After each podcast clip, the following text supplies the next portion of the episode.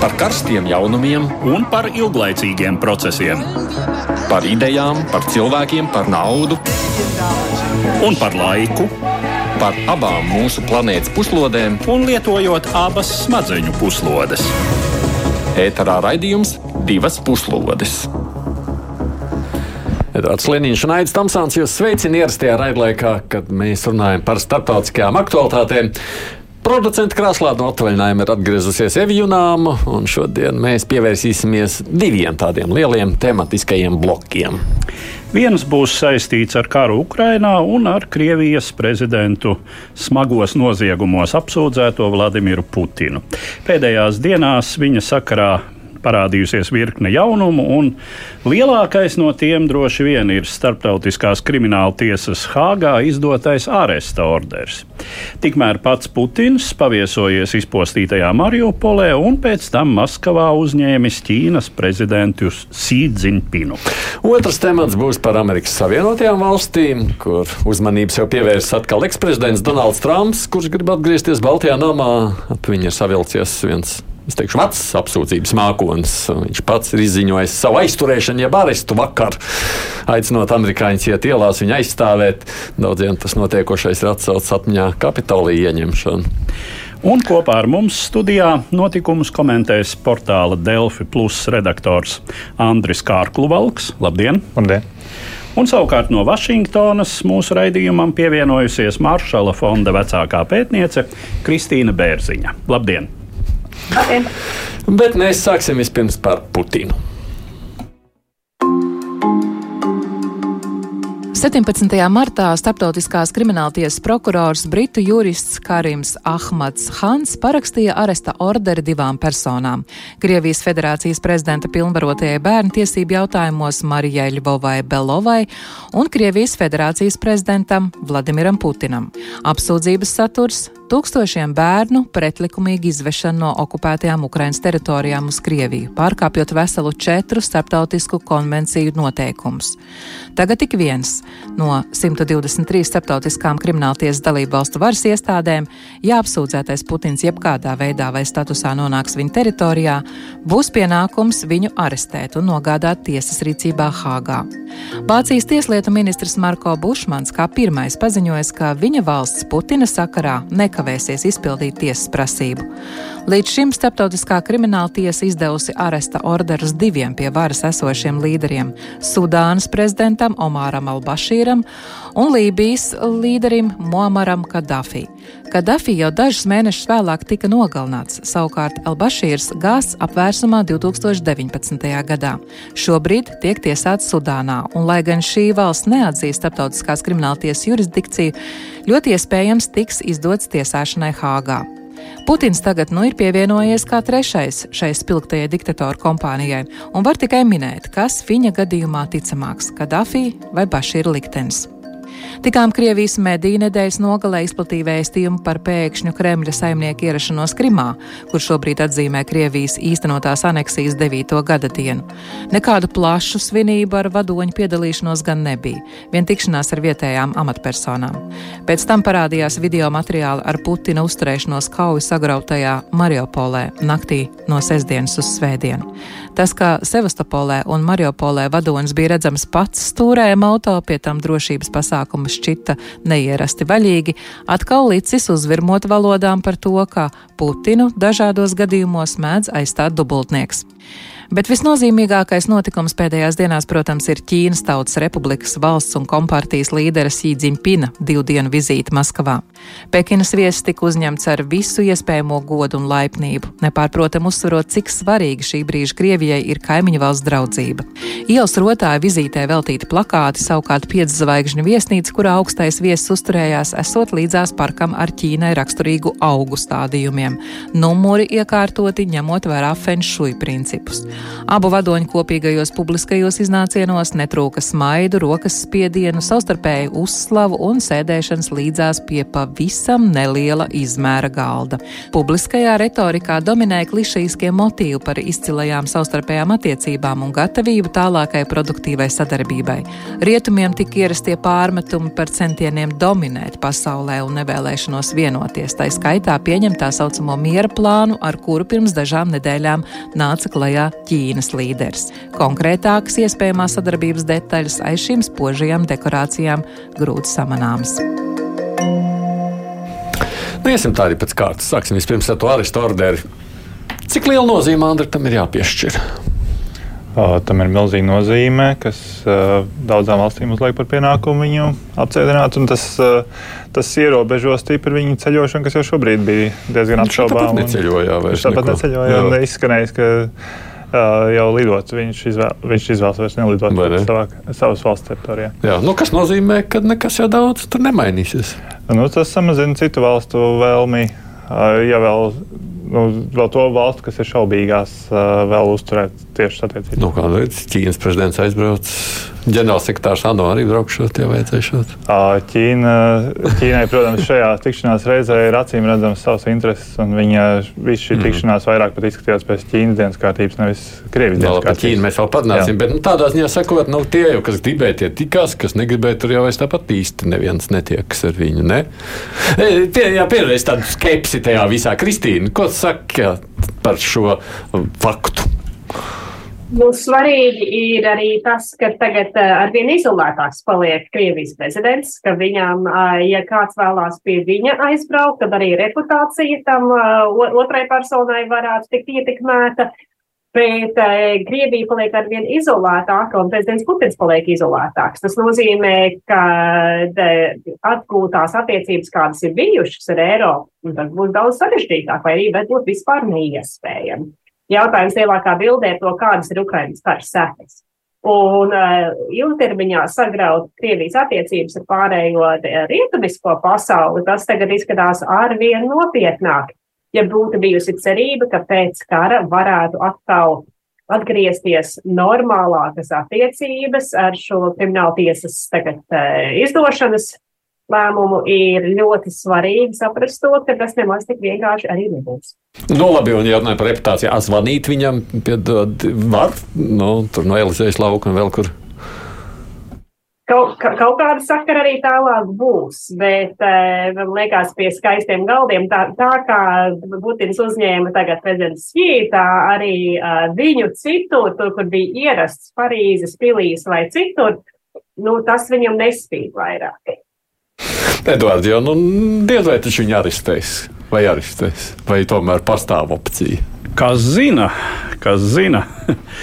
Bet, protams, tas ir kaut kas, kas vēl pirms, nerunājot par dažiem gadiem, varbūt pat pirms dažiem mēnešiem, šķita kaut kas diezgan neiedomājams. Nu, man jau, jau pagājušajā nedēļā nelikās tas šī ticams. Krimināla tiesa ir apvienoto nāciju um, veidojums. Aha. Krievija ir viena no galvenajām apvienoto nāciju dibinātāju valstīm, nu, pareizāk sakot, dibinātāja valsts padomju savienības tiesiskā un, zināmā mērā, arī morālā mantiniece. Uh, lai gan, uh, protams, Krievija šo statusu apvienotajās nācijās lielā mērā ir uzurpējusi. Jo no tās padomju savienības ir tā sacīt, nu labi, teiksim, Baltijas valstis, kas Tur bija nelikumīgi anektētas 20 gadus pēc šīs valsts dibināšanas, un mm, mēs, teiksim, Latvija nekad nav atzinusi sevi par Padomju Savienības daļu, bet Ukraina ir viena no Padomju Savienības dibinātājām uh, savā laikā, 22. gadā. Uh, Ukrainas padomju republika, Baltkrievijas padomju republika un Krievijas padomju republika parakstīja šo dibināšanas līgumu. Bet šī nav anotiesa. Šī nav anotiesa. Tur jau no, pat Amerikas Savienotās valstis taču neatzīst, vai ne šo tiesu? Uh, Amerikas, neatzīst, jā, jā. nu, teiksim, neatzīst, neatzīst jurisdikciju, kas gan neliedz Savienotajām valstīm ja tās vēlas izdot šai tiesai. Nē, nu neviens jau tādā ziņā neliedz, bet kāpēc Kristīna Savienotās valstis neatzīst? Tāpēc, ka kādreiz lielām valstīm nepatīk atzīt neprognozējamas institūcijas. Un man liekas, ka tur arī tāda skepse par to, kas varētu būt. Arī lietas, Amerikas Savienotās valstīs arī neatzīst vairākus tādus starptautiski pieņemtus lielos starptautiskos līgumus. Un uh, par to var visādi kritizēt, protams, uh, bet nu, fakts pastāv, ka ierobežot savu brīvību, ASV gluži nav ar mieru. Jā, nu, kas nozīmē, ka Putins uz Vašingtonu vēl varētu doties. Jā, tur... nu, teorētiski var, lai gan jebkuram savienoto valstu prezidentam tikties ar šo cilvēku kā līdzīgam ar līdzīgu, tomēr mēs jau pieminējām, mm. reputācijas problēmas ir nepārprotamas. Šis uh, ir zīmoks, kas Putinam tagad ir uzspiests un no kura viņš vaļā netiks, bet, kā jau teicu, nav runa tikai par Putinu. Es vispār teiktu, ka uh, Šis ir diezgan būtisks vēsturisks pagrieziena punkts. Jo līdz šim nu, šī starptautiskā krimināla tiesa, pirms tam pastāvējušie tribunāli, kas bija piemēram Dienvidslāvijas kara, karā pastrādāto noziegumu sakarā, nu, tajos tiesātie cilvēki bija tomēr vairāk vai mazāk starptautiskās politikas Ja ne gluži margināli, tad nu, katrā ziņā trešā ešalona personas. Nu, varbūt Miloševičs, teiksim, bija, bija tā lielākais kalibrs, mm -hmm. kas, kas ir sēdējis uz šāda. Ne uz, ne, to, ne tobrīd vēl krimināla tiesa nebija nodibināta. Mm -hmm. Tas bija atsevišķs tribunāls.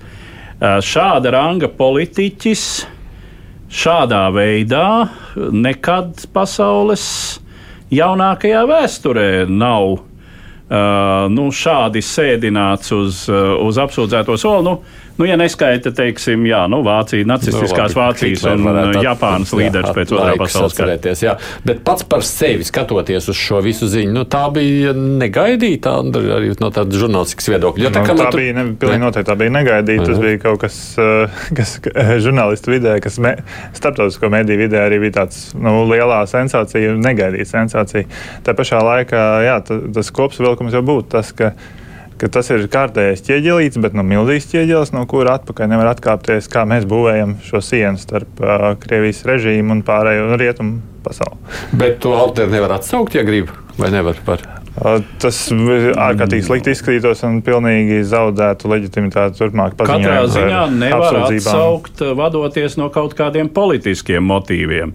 Atsaukt varētu tad, ja tiktu nu, kaut kādā veidā atrasta kāda tīri juridiska kombinācija. Nu, teiksim, uh, jā, nu, šis ir pagaidām uh, izmeklēšanas process, ja izdotos kaut kādā veidā teiksim, konstatēt, ka tomēr Putins neko nav zinājis. Bet, nu, bet tas baidos, šīs... ka tas, ka tas nesanāks. Tas arī šīs tiesas vārdu praktiski devalvētu. Tā nebūtu vairs nekādas nozīmes. Nu, es jau saprotu, ka vēl jau laikam tās tikai pirmā no apsūdzībām varētu vēl kāda rasties. Nu, tieši tā, jā. jā. Un atkal viņš varētu būt vainīgs. Tā var būt, jo šis ir konkrēti par bērnu izvešanu, kas uh, tomēr ir tikai viens no ļoti daudziem noziegumiem pret cilvēku. Jā. Mm. Jā, savukārt, Kristīna, kā izskatās, ir tiešām pastāv iespēja, ka kādreiz viņš varētu arī sēdēt uz apsūdzētās solis, ir fiziski. Jāskatās, kā izvēršas arī tālākā Krievijas iekšpolitika. Ja Putins kā persona, tas ir uz viņu personīgi, nevis uz Kremļa prezidentu attiecīgi. Un tāpēc, ja, piemēram, mainītos vara, ja būtu cits prezidents, ja Putins tagad būtu vienkārši pilsonis, ja būtu viņam nepieciešams beigt uh, no Krievijas un nonākt kādā trešā valstī, nu, šobrīd izskatās, ka taisno viņš pērks, piemēram, uz Ķīnu, un tad būtu drošībā, viss kārtībā. Bet ja būtu jānonāk kaut kur citur, kur valstī, kura varbūt sāktu domāt, vai ir gudri vai nav gudri izdot, nu, varētu iet visādi. Bet atkal to nu, šobrīd, šomēnes, šodien mēs nevaram teikt, kā būs, kā nebūs, bet uh, ilgtermiņā, nu, nezinu, pēc gadiem desmit, kā varētu viņam arī tā, tādā dzīve pagriezties. Vēl viens jautājums, tikai ejot tālāk uz priekšu, runājot par Putinu nu, te tiek pieminēta Dienvidāfrikas Republika, jā, tad, tad, tad notiktu tā sanāksme, Briks, kurā iespējams varētu doties arī Putins. Un tādos mēdījos izskan doma, viņš arī pamēģina, nu pamēģiniet man vai nearestēt, es jau taču man tur vien miesasarga arī sargātu vispār. Viņš varētu mēģināt doties kaut kur jūsuprāt. Ļoti liela spekulācija. Bet Dienvidāfrikas Republikai ir uh, tas vēsturiskais aspekts, ka Padomu Savienība, tātad, uh, kurai Krievija mantiniece, ir tas viņu labais tēls viņu politikā, jo tie palīdzēja cīnīties uh, pret uh, apetīti. Nē, nu, jāsaka, runājot par analoģijām, tad Āfrika šai ziņā ir. Uh, tāda problemātiska zona, jo jau pieminētais Albašīrs, būdams vēl Sudānas diktators, ir piedalījies eh, vismaz pāris reizes eh, eh, starptautiskos fórumos, šķiet arī devies pāris ārzemju vizītēs, tā izskaitā uz teritorijām, uz valstīm, kuras teorētiski atzīst šo mm. kriminālu tiesas jurisdikciju pilnā mērā. Līdzīgi kā lūdzu? Līdzīgi kā Dienvidāfrikas Republika. Jā, jā, un manuprāt bija runa par Čadu un Ugandu, mm. ja atmiņa man nebija, kuras uh, ir tā sacīt pievērušas acis uz mm. šo faktu un uh, neko nav ķērušas un nekur nav izdevušas. Kā, jā, Kristīna. Bet, bet Dienvidāfrika nav Čāda un Uganda. Dienvidāfrika tomēr ir ļoti liela, nozīmīga valsts, kurai ir nopietnas tirdzniecības un citas saiknes ar citām lielām rietumu valstīm. Un vai Dienvidāfrika, viena lieta, tikko bija piedalījusies Dienvidāfrika arī ar, ar, ar Krieviju militārās mācībās Indijas okeānā, bija jautājums, kādi tur kuģi bija piestājušies Dienvidāfrikā, kas tur tika izmantots, vai tā drīkstēja vai nē, bet tas ir tādā drusku miglainā, pelēkā zonā, kas piestājās, kas nē, kādas ir mācības. Cita lieta ir tik ļoti atklāti un uh, nu, šļaut sejā apmēram ANO režīmām un tiesiskumam, un vai pašreizējā Dienvidāfrika būtu ar mieru to darīt, man liekas, ka Dienvidāfrikai sakas būtu ļoti nopietnas diplomātiskas. Viena lieta ir stāvēt starp Krieviju, Ķīnu un, un Eiropu un ASV kaut kur pa vidu, bet tas jau nozīmētu mesties tikai vienā pusē. Un es nezinu, vai tas arī būtu tās valsts interesē to darīt. Tāpēc es šaubos, vai to pārāk pārbaudīt. Nu, no otras puses, droši vien ņemot vērā priekšstatu par to, ka Putins ir bailīgs. Nu, jā, nē, nu, no, es domāju, ka neriskētu. tur būtu tādā gadījumā, ja Putins izrādītu vēlmi turp doties, tad būtu ļoti nopietna diplomātiska aizkulišu uh, cīņa, varētu pat teikt, Dienvidāfrika noteikti mēģinātu mm. Putinu pierunāt, pārdomāt un nesagādāt tai mm. liekas problēmas. Bet runājot par Putinu un bailīgumu, nu, viņš šķiet kliedēja šajā nedēļas nogalē to, ka viņš ir bailīgs. Devās uz kara zonu, uz Mariupolu. Jā, un kas zīmīgi, tad neviens vairs pat īsti netic. ka tas tiešām ka ir bijis. Nu, respektīvi, nevis neviens, bet ļoti daudzi netic. un, ne, tas, ne? un sāk tiešām domāt, ka tas ir dubultnieks. Jā, un sāk un arvien vairāk. Uh, es neesmu iedziļinājies šajā jautājumā. man, man jāsaka, nu, man uh, negribas īpaši ticēt uh, šīm dubultnieku teorijām, uh, jo uh, nu, man šķiet diezgan nozīmīgs arī tas arguments, ka dubultnieks eh, tas ir diezgan liels risks uh, tam, kuru viņš tā sacīt aizvieto, ka kādā brīdī īsto. Eh, kas, starp citu, ir vēl viena sazvērestības teorija, kas jau sen klīst uh, pasaulē par to, ka īstais Putins, tas Putins, kas kādreiz tur žurkas dzenāja Ļeņingradas komunālajā dzīvoklī, jau sen ir novākts. Jā, uh, un ka šis ir uh, Cits viens Putins, vai pat vairāki jā, citi, jā. pavisam citi Putini. Jā, jā, jā, jā. tā tālāk. Šis viss ir dzirdēts, jā, bet tajā pašā laikā, nu, kurš pēkšņi tik drosmīgs aizbrauc, visu laiku tur baidījās galdi galā sēž laižot garā. Redz, Mēs jau nezinām, vai attēli, kas ir no Mariupoles naktī, kaut kāda daudzdzīvokļu māja centrā, patiešām ir no Mariupoles. Tā tu vēl tādas šaubas pieļauj. Tas ir, mēs gal galā ticam propagandas mēdī izplatītā informācijai. Tad, nu, tas ir jautājums, kurā brīdī, kuru ticēt, kur neticēt. Un jā, ir šīs variācijas par to, ka gal galā viņš dažu dienu atšķirība izskatās nedaudz citādāk. Nu, jo tās fotogrāfijas patiešām ir acīm redzamas citādākas propagandas izplatītas fotogrāfijas, nevis Aha. rietumu naidnieku. Un, un, un, un viņš ir atradies visās šajās vietās, kuras nu, nevar jau neviens neatkarīgs eksperts mēdījis pārbaudīt. Nevar pārbaudīt tādu, nu, taču kaut kādas laboratorijas, ka var secināt. No tiešām tāda laika pienākšu, ka nevar pārbaudīt vilnu no, fotogrāfiju. Nezinu, iespējams, ka nav, nav ar nemaz tik vienkārši. Jūs ļoti tādi jau sākat domāt, nevar zināt visādi varbūt ar to Putina Kristīnu, kāds izskatās no Vašingtonas. No, nu, tur es nezinu, man liekas, nu, cik skatos tā lielākā spekulācija un sazvērstības teorijas vairāk izskan jūsu okeāna pusē nekā šajā. Nu, bijis, bijis, nebijis, nebijis, kā tas īstenībā maina realitāti realitāti un, un kas tagad tālāk būs. Arī cits jautājums, viņš tiešām pirms prezidenta, Ķīnas prezidenta vizītes būtu deviet ceļojumā, bet, nu, kas to lēsīt? Uh, un, bet uh, fakts kā tāds, ka vienmēr ticēt visam nav iespējams, un daudz dzīvokļu mājas visur arī izskatās vienādas. Tāpēc tas to zina. Bet uh, noteicoši man liekas, tas nav vai ir bijis vai nav bijis. Jā, Jā nu, bet no otras puses, kāpēc viņam tas bija svarīgi?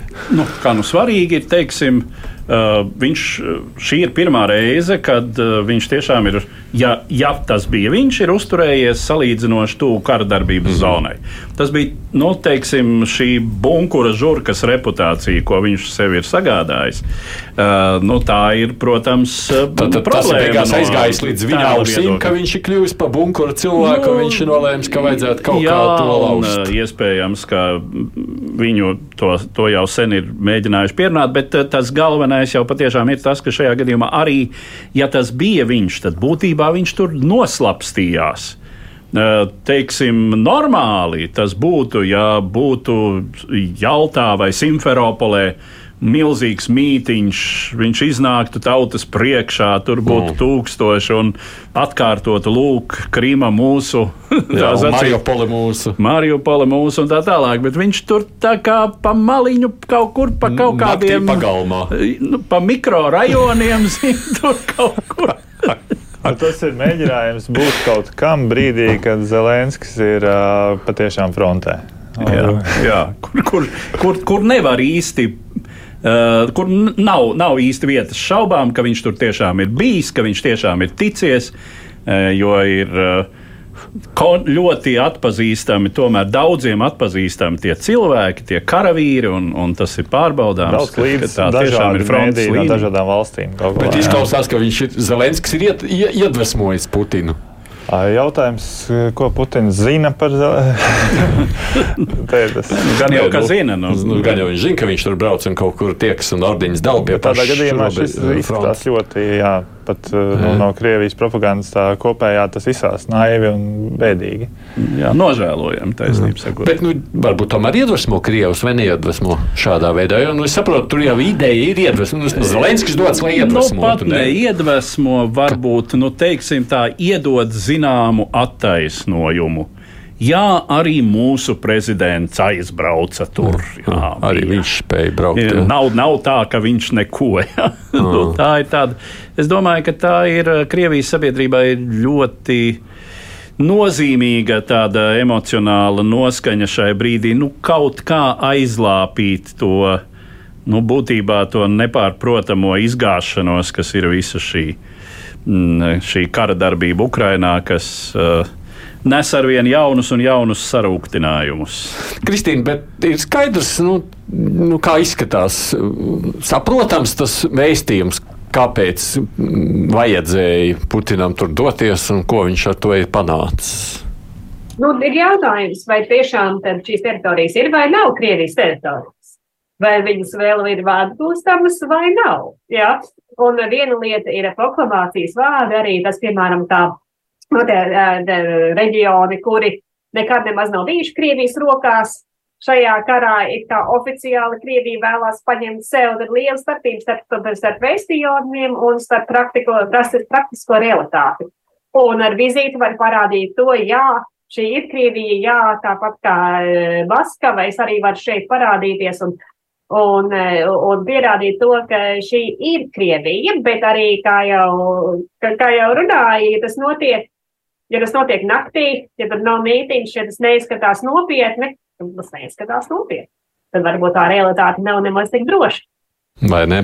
Nu, ja tikai vēl par trešo līniju runājot, nolasot pāris vēstules pretīs klausītāji, ir dažādi. Te viens Dainis raksta šādu, nu, ir līmenīts jums tur muldēt par Putinu, tā kā klaču vecenis, ne propagandists. Savukārt Ilza saka, varbūt var nokopēt seju, bet nav iespējams nokopēt ķermeņa valodu. Nu, nebija Mariupolē Putins, tu biji pilnīgi cita persona, īpaši ja salīdzināt to, kas tikās ar Ķīnas līderi.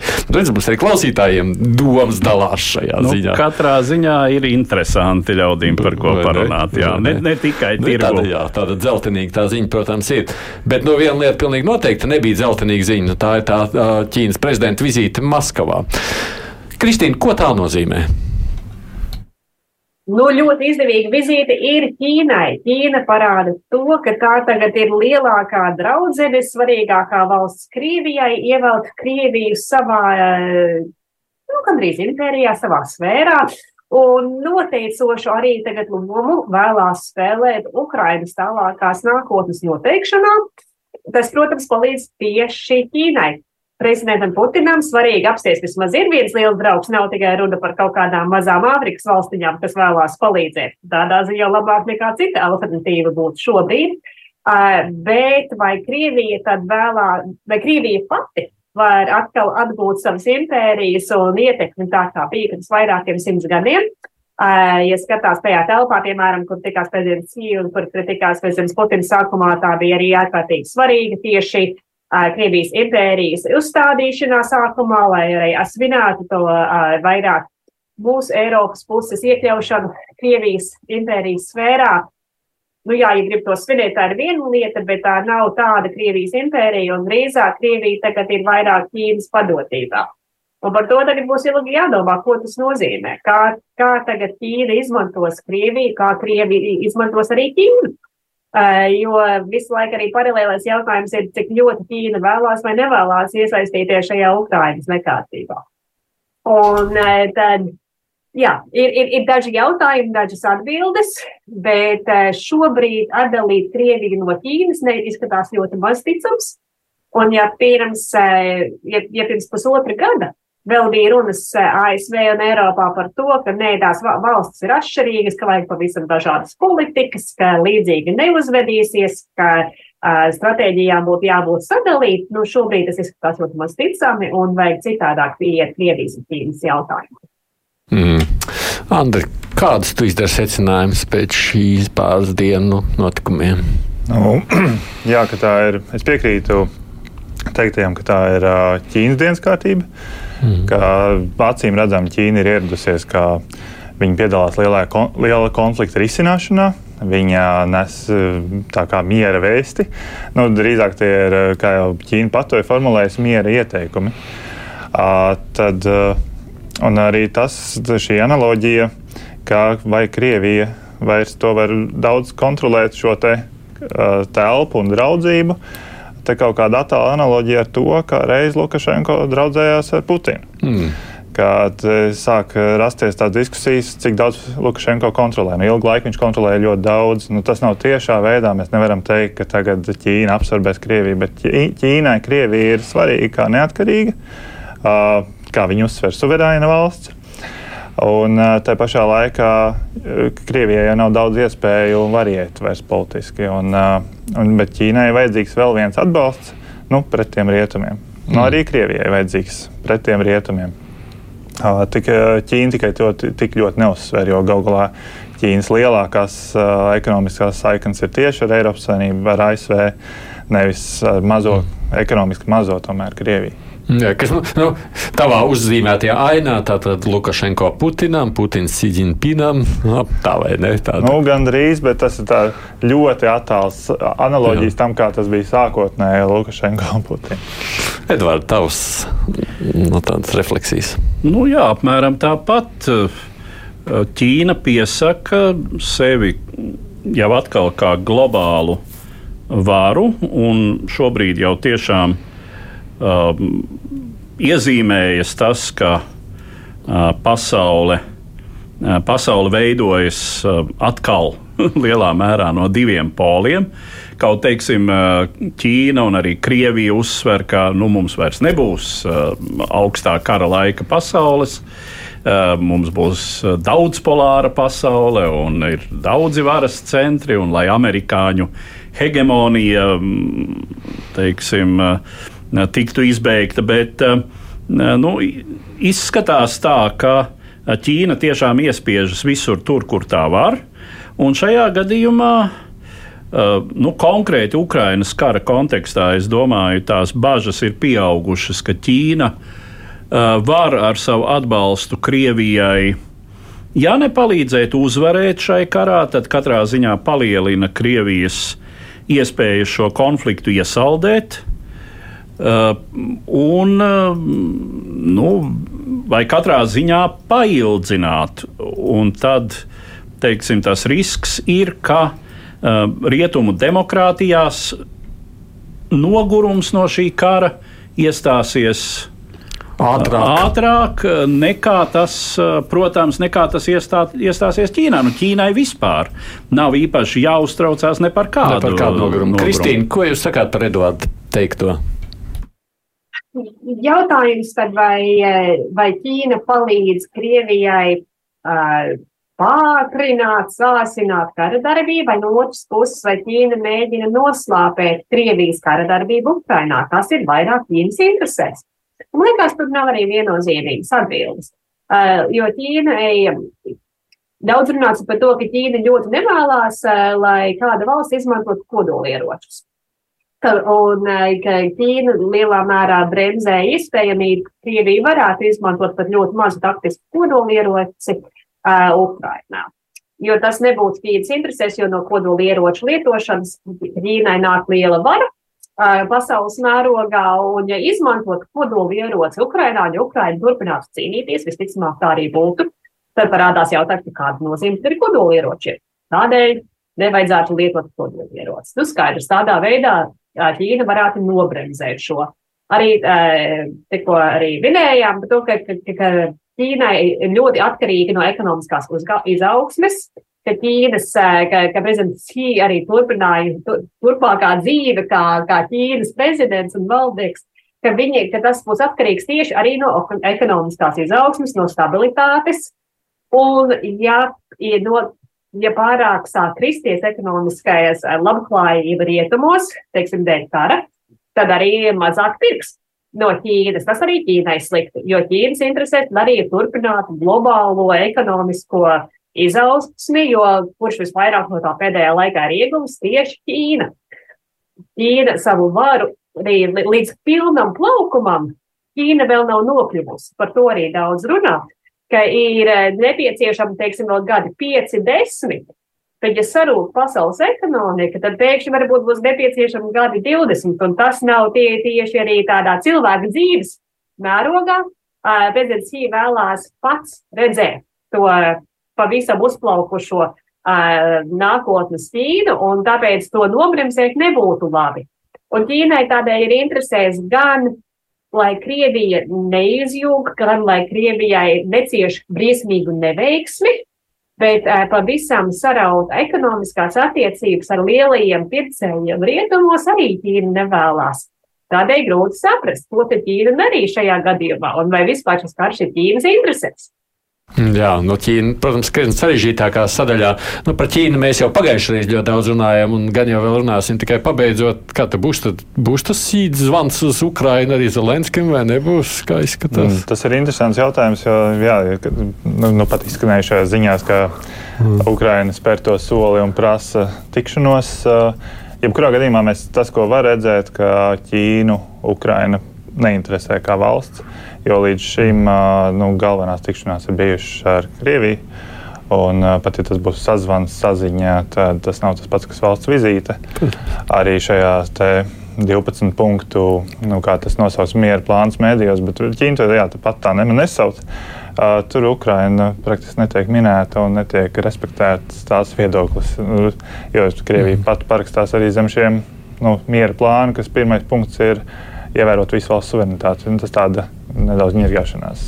No, ja Krievija tam piekrīt un, un Ukraina netiek ņemt vērā.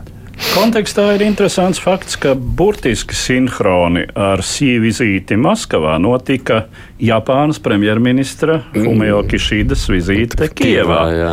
Un Japāna eh, tā joprojām ir pēc ekonomikas apjoma otrā eh, Āzijas valsts aiz Ķīnas, lai gan tās eh, iekšzemes koprodukts ir nu, teju, nu jau te trīsreiz mazāks nekā Ķīnai, bet toties.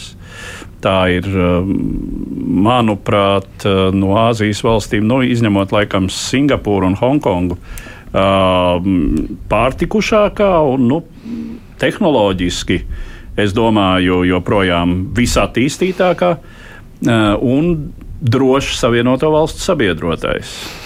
Tā kā es domāju, ka mm, Kišīdas vizīte Kijevā nav nejauša. Arī vai ne? Labi, ir vēl viens notikums, par kuru šodien gribam runāt. Mēs tiešām sen neesam mūsu redzējumā runājuši, pievērsušies notiekošiem Savienoto valstu iekšpolitikā. Policija Ņujorkā un arī vairākās citās Savienoto Valstu pilsētās šonadēļ veikusi drošības pasākumus iespējamiem vardarbīgiem protestiem. Tas noticis pēc tam, kad eksprezidents Donalds Trumps sociālajos tīklos aicināja savus atbalstītājus iziet ielās, ja viņš tiktu arestēts. Runa ir par izmeklēšanu, kuru pret Trumpu ierosinājis Ņujorkas pilsētas galvenais prokurors Elvis Breks. Apsūdzības pamatā nav, kā varētu iedomāties, eksprezidenta darbības, atrodoties amatā vai prezidenta Baidena inaugurācijas laikā bet gan epizodi 2016. gada priekšvēlēšana kampaņas laikā. Tolaik porno zvaigzne Stormija Danielsa piedāvāja medijiem pārdot stāstu par savu seksuālo sakaru ar Trumpu 2006. gadā. Prezidenta kandidāta komandas locekļi samaksājuši viņai 130 tūkstošus dolāru par mutes turēšanu, kas pats par sevi nav nelikumīgi, taču noformējuši to kā maksu par juridiskiem pakalpojumiem. Tas ir iemesls apsūdzībai grāmatvedības atskaišu viltošanā, par ko Ņujorkas štata likuma paredz līdz četriem gadiem ilgu cietumsodu vai naudas sodu. Viss liecina, ka piesēdētāja žūrija, kuru prokurors Breks sasaucis, lai izvērtētu apsūdzības izvirzīšanu, šais dienās beigs savu darbu. Ja Trumps tiks apsūdzēts, viņam būs jāierodas Ņujorkas tiesā, kur ar viņu veiks visas tradicionālās procedūras - pirkstu nospiedumu ņemšana, fotografēšana, pretskatā un sānskatā un tam līdzīgi. Tad tiesnesis pieņems lēmumu par drošības līdzekli, kas vismaz teorētiski var būt arī apcietinājums. Trumpa pārstāvji jau paziņojuši, ka eksprezidents, kurš šobrīd uzturas Floridā, izpildīs tiesas norādījumus. Domājams, ka process šajā gadījumā varētu ilgt vairākus gadus, un nākamās prezidenta vēlēšanas Donalds Trumps visdrīzāk sagaidītu apsūdzētā statusā. Principā Savienoto valstu likumi neliedz kandidēt un tikt ievēlētam nedz apsūdzētajam, nedz pat notiesātajam, bet, protams, notiesājošs spriedums būtu nozīmīgs arguments priekšvēlēšana cīņā. Kas attiecas uz potenciāli iespējamo spriedumu, tiek lēsts, ka tas visdrīzāk varētu būt naudas sots. Cietumsots par šādu raksturu nodarījumu esot maz ticams. Divas puslodes! Gādījuma studijā bez mums ir Edvards, arī kolēģis no portāla Delfa, Andris Kārkluvalks un Vašingtonā atrodas Maršala fonda vecākā pētniece Kristīna Bērziņa.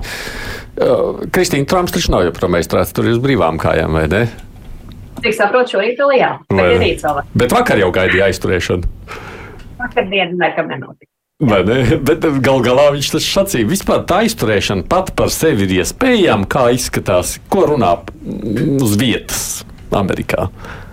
Nu, nu, man liekas, ka ir iespējama tāda lieta, bet vai, vai tas prezidents Trumps izmanto to arī saviem politiskiem nolūkiem? Jā, apsties, kā visu laiku saka, ka redzi, kā viņu tagad apvaino un viņu vajā esošās varas, tad, ja viņu arestētu, tas būtu arī viņam politiski saviem atbalstītājiem ļoti kaut kas arī pozitīvs savā ziņā. Un ir interesanti skatīties, kā bijušais prezidents Trumps ļoti pagriež arī šo tiesvedības jautājumu sev par labu. Kas nozīmē, viņš priecātos, ja viņu aizturētu. Jā. Nu, tas būtu tāds liels šovs. Viņam jau televīzijā bija karjera, turpināt tādu ļoti interesantu raidījumu, parādīt tautai, viņam nekas jau nav pretī. Cilvēki varbūt ir garlaicīgi sēdēt Floridā. Puse aizmirst. Ir jau tādi jautājumi, kādi cieņi bijuši, tāpēc, ka neviens īpaši ne, nu, neliekās, ne, neizrāda interesi par to, ko viņš dara savā, savā viesnīcā Floridā. Tagad atkal apskaties, dabūt visas kameras un, un, un uzreiz virsraksti par viņu. Tas jau viņam nav slikti. Jo jau pieteicis 24. gada eh, kandidatūru prezidenta krēslam. Nu, šis ir no tiem stāstiem, ja, kad vienalga, jebkura ziņa ir laba, arī slikta ziņa ir laba. Es gatavojoties raidījumam, apskatījos uh, ziņas par šo kriminālu lietu, un tur bija interesanti, ka vēl 10. martā bija tāds analizēts tas, ka ap, Trumps ir apbrīnojami mierīgi uztvērs šo, uh, šo izmeklēšanu, ka mm. viņš nav vēl reaģējis nekā asi. Nu, tad šis mm. tas, lūk, ir rezultāts, ka nē, viņš tomēr ir vienkārši gaidījis nedaudz vēlāku laiku. Un, nu, no cilvēka, ka, kura komanda ir, ir, ir radījusi alternatīvo faktu šo konceptu, nu, kaut kas tāds, acīm redzam, bija gaidāms, ja jau pat analizē, kāpēc vēl nav gaidāms. Hmm. Nu, kas nozīmē, tas ir viss būtībā tāds politisks teātris? Nē, no vienas puses ir juridiskais pamatojums, bet, protams, ka Trumps, kādu mēs viņu pazīstam, nu, viņam jau ļoti, teiksim, patiktu no sevis veidot upura tēlu mm, pirms nākamajām vēlēšanām. Lūk, dziļā valsts, kura deep state, kura atkal viņu vajā un mēģina iznīdēt, tā sacīt, un Nu, līdz ar to kaut kāda viņa tiešām likšana aiz restēm, eh, kas arī no, mm, teiksim, es teiktu, no tā procesa viedokļa izskatītos neloģiski, jo mm, ko viņš īsti tur vairs var ietekmēt šādā gadījumā.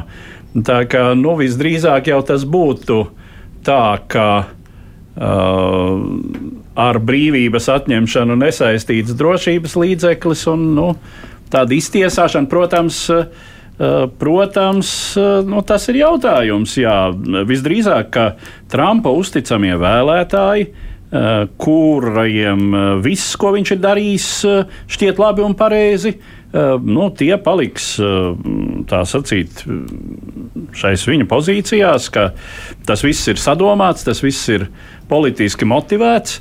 Cik es saprotu, tad šādu vēstījumu uztur zināmā mērā arī uh, nu, vismaz daļa no republikāņu partijas šobrīd. Jā, jā.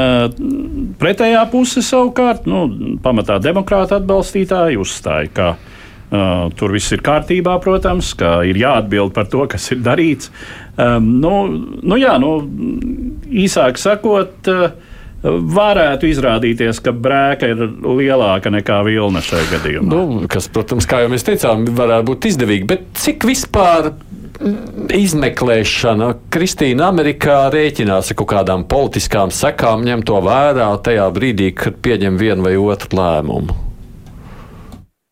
Tiesas process, man liekas, ir samērā neatkarīgi eh, no tā, bet drīzāk ir jautājums, vai ja neizmeklēt, vai neiet uz priekšu, ka tu par to varētu uh, celt lielāku tādu brāku, tāpēc, ka kā politiski iemeslu dēļ tagad baidās apvainot, ja jau tā, nu, tiesa sistēma ir nu, skaitās neatkarīga un tā ir jābūt neatkarīgai uh, no politiskiem procesiem. Un tad, ja ir, ja ir iemesls turpināt un apsūdzēt, tad to arī būtu jādara. Un, un tāpēc tas ir, nu, Pilnīgi izolēti tie nevar būt. Ja, ja, ja, turpina tiesvedību, tad apsūdz to par politiski motivētu tiesvedību. Ja nedara, tad atkal otra puse kliedz. Tā kā no abām pusēm kliedz, tad svarīgākais, man liekas, tomēr ir uh, tiesas. Tiesai vienkārši turpināt tā, kā vajadzētu, tāpēc, ka populāra tiesvedība jau nebūs pusē tas vienmēr liksies nepareizi. Vai ne? Nu, mazliet vēl kaut paralēls ar Putina izsniegto orderi. Nu, tajā, tad, kad Krievijā saka, kā, nu, bet prezidents, nu, prezidents taču nu, to jau nevar. Tā, Jā, tā. Nu, kaut kādas līdzīgas uh, domas, uh, cik es saprotu, izskan arī Savienotajās valstīs, ka būtu jārēķinās ar prezidenta statusu Status, vai arī eksprezidenta statusu, tomēr izvirzot apsūdzības jautājumu nu, par uh, apsūdzības par nu, tādu salīdzinoši jau tiešām nenozīmīgu nodarījumu, no kurā ailītē ieraksts neviens jau pat īpaši neslēpīja kam ir maksāts, par ko ir maksāts. Tas arī ir interesants fakts, ka šie konservatīvie kristieši, kas iestājas par ģimenes vērtībām, par šo neraizējas. jā, tas ir Kristīna saka. Nu, jā, Amerikā tas, protams, ka, ko Trumps pastāv, pārstāv un kas viņš tāds ir. E, varētu domāt, ka tas būtu nu, neloģiski apskatīties, ja tāds, kurš tagad ir, ir tādai,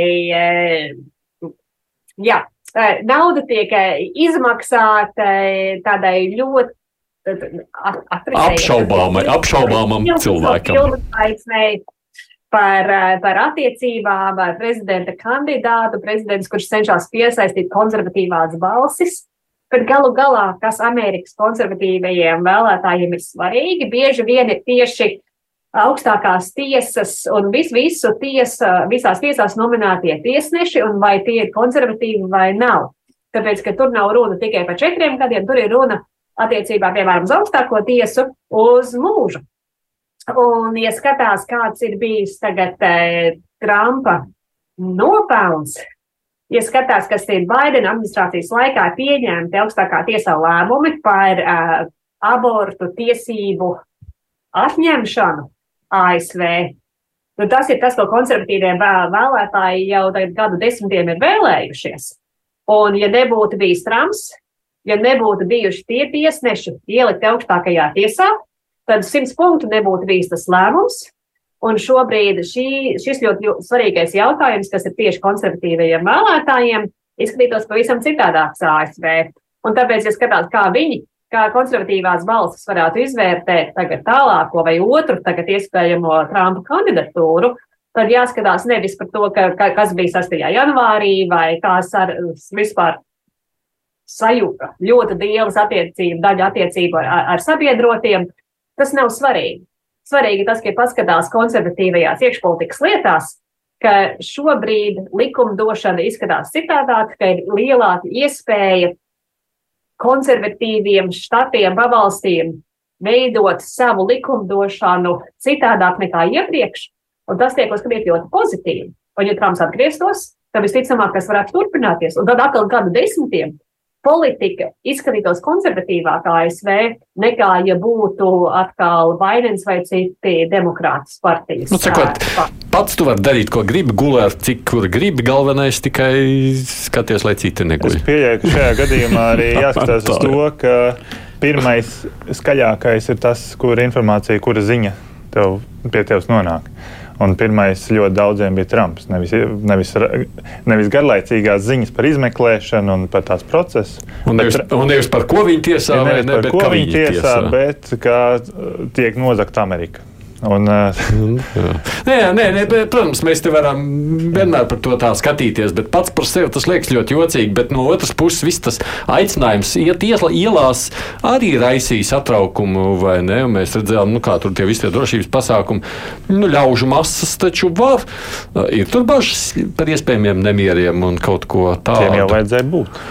Nu, ne, nikamē, nu, bet viņš laikam jā. teica, ja gadījumā aizturēs, tad vajag iet nu, šajā sazvērstības teorijā, tajā burbulī, ko sauc par maga, jau tas tiek pielīdzināts arī jēzus krustā sišanai. Tā ka tur nevar mm. saprast jau to, to ja tas ir, ir, cik liels ir šis burbulis. Jā, bet, bet, bet ir pamatotas bažas jūs par nu, kā, nu, policija vismaz trīs pilsētās, Ņujorkā, Losandželosā, ja nemaldos, un uh, Vašingtonā nu, veica konkrētus drošības pasākumus ar metāla barjerām un tā tālāk.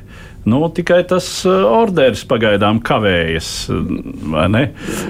Un, tiesa gan tas, ko es lasīju, ka arī Trumpa atbalstītāju aprindās šobrīd tā ielās iešana nav vairs tik populāra, kāda tā bija nu, tad, kad notika šie patiešām satraucošie nemieri. Kapitolija ieņemšana. Jā, kapitolija ieņemšana, jā. Ka nu, salīdzinoši vairāk ir to, kur uzskata, ka labāk palikt mājās, jo tas efekts var būt negatīvs un, un laupīt tā sacīt. À, tomēr, jā. Es kāpēc to jautāju, Kristīna? Tāpēc, ka vismaz tajā Latvijas, arī pat Latvijas nu, Trumpa atbalstītāju vidē, ka es redzu sociālos tīklos, sakot, nu, vat, vot nedrīkst teikt. Nu, lūk, mēs redzēsim, kā tas ir, kad Amerika izies ielās un tur būs revolūcija, un tad beigu beigās nogāzīs to visu. Nu, man tā liekas, es nu, ar cerībām sakot, ka tur kaut kas izdosies. Amerikā to tādu nejūt.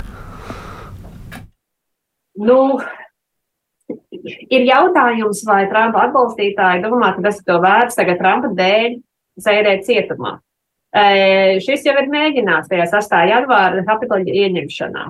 Un tas arī, tas vēl nav viss noslēgts, un daudzi tiek likt cietumā tieši par to. Nav tāda, viņiem ir īstas arī tur sakas pēc tam. Balsot par Trumpu ir viena lieta, cita lieta ir maksāt milzīgus sodus vai sēdēt cietumā. Un es nezinu, cik pat tiešām šobrīd ir gatavi to darīt, jo pirms iepriekšējā mēģinājuma nu, nebija tāda pieredze, kā tas varētu izskatīties. Un tagad, tagad ir, un tāda vai amerikāņi, viņi varbūt viena lieta ir skaļi runāt sociālos tīklos, un cita lieta ir eh, par to pašam ciest. Un es nezinu, vai daudz ir ar mieru šobrīd dēļ kaut kāda maza sprieduma ja, tagad sēdēt Trumpa dēļ cietumā. Hmm. Bet nu, mums līdz vēlēšanām vēl ir pusotrs gads praktiski, vai ne? Kaut kur tā, vai ne? Nu, Kas... Nu, vēl jārēķinās, ka notiek četras izmeklēšanas, kuras var teorētiski novest līdz arestam. Kas ir varētu būt nopietnāks? Jā, kas pārējās viss var ir nopietnāks, tā skaitā pieminētais 6. janvārs, iejaukšanās Džordžijas štatā vēlēšana, vēlēšana balsu skaitīšanā. Un, Uh, un, uh, un tāpat tas, ka viņiem bija slepeni dokumenti viņa Floridas mājās. Tā, tās vēl ir izmeklēšanas lietas, kas arī turpinās. Un nevar zināt, viņas būs līdz vēlēšanām, vai nebūs kaut kādā attīstības stadijā tālāk. Nu jā, bet kas nozīmē, ka visticamāk mēs gaidām nu, ļoti spilgtu nākošo cēlienu visiem. Tā var saprast, ka vistuvākais ir tieši šīs iejaukšanās Džordžijas štatu vēlēšanās, kas tiks ko mēs mm -hmm. drīzāk dzirdēsim, kā nākamo. Nu, tad, mums tad, tad šaubas nākamā gada pusotra laikā. Jā, lai gan, nu, protams, mēs uh, saprotam, ka skatāmies uz šo šovu ar diezgan uh, nozīmīgām bažām, jo uh, aiz tā visa. Um, nu, teiksim, parādās jautājums, vai kādā brīdī tiešām nevar mainīties Savienoto valstu politika, Savienoto valstu nostāja uh, Mm, pret Krievijas agresiju.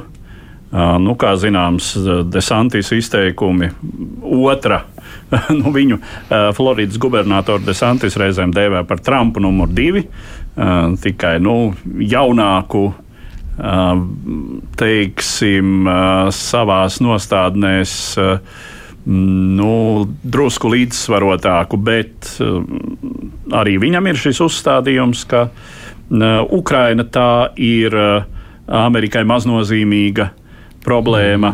Nu, un, tādā ziņā, protams, dažādas šīs nejaušības, kas var, kas var izšķilties no tāda procesa, nu, par to, protams, nākas bažīties. Bet prognozēt jau īsti, jā, nu, tur, tur neko īsti nevar. Kā tas jau ir minēts, tad teorētiski Trumps var kandidēt arī sēdēdams aiz restēm. Nu, mums Jānis raksta tā, mums jau gobzems līdzīgi izpildījās, kad vairs nezināja, kā vēl sev pievērst uzmanību. Viņš darīja visu, lai tiktu apcietināts. Nu, tā, tā, tā, protams, ar to smaidu. Es nezinu, atcaucot to visu atmiņā, bet man liekas, arī pat ar gobzemi, nu, tur laikam lika visu laiku tikai tos soda naudas, bet nu, rēķinājās jau ar iespējamām politiskām sekām, tāpēc neaiz, nu, tā kā nearestē vai ne. Nemācīšu komentēt. Vai ne, bet es tā pieļauju, ka man nav prātā, vai viņš tik tālu aizgāja vai ne. Jā. vai nu, kas nozīmē, es vienkārši domāju, cik daudz tādu beig beigās tiesības sargājušās institūcijas arī nu, rēķinās ar sekām un kaut ko jau nu, pieskaņo savu rīcību. Nu, ar sekām, protams. Ir jārēķinās, taču nu, būtībā ir jābūt tā, ka uh, tiesas lietas tas ir kaut kas viens, un politika tas ir kaut kas cits. Un, Un uh, īsti kopā jaukt to demokrātiskā valstī nedrīkst. nedrīkst. Tā saka Edvards Liniņš. Un, uh, protams, šeit studijā bija arī Aits Tamsons. Es saku paldies jums, ka atnācāt uz šejienu un pieslēdzāties mums šeit. Maršala fonda vecākā pētniece Kristīna Bērziņa.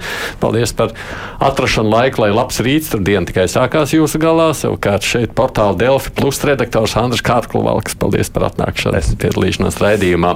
Mēs tiekamies atkal pēc nedēļas producē Evija Unāma. Sekojam līdz aktuāliem runājumiem par to. Es atgādinu, ka mūs arī var klausīties, gan izmantot iespēju aplikācijā dzirdēt, gan tad, tad, abonēt iespēju podkāstu platformās un, protams, Latvijas radio mājaslapā noklausīties raidījuma arhīvā. Tiekamies atkal šeit pēc nedēļas. Visu labu!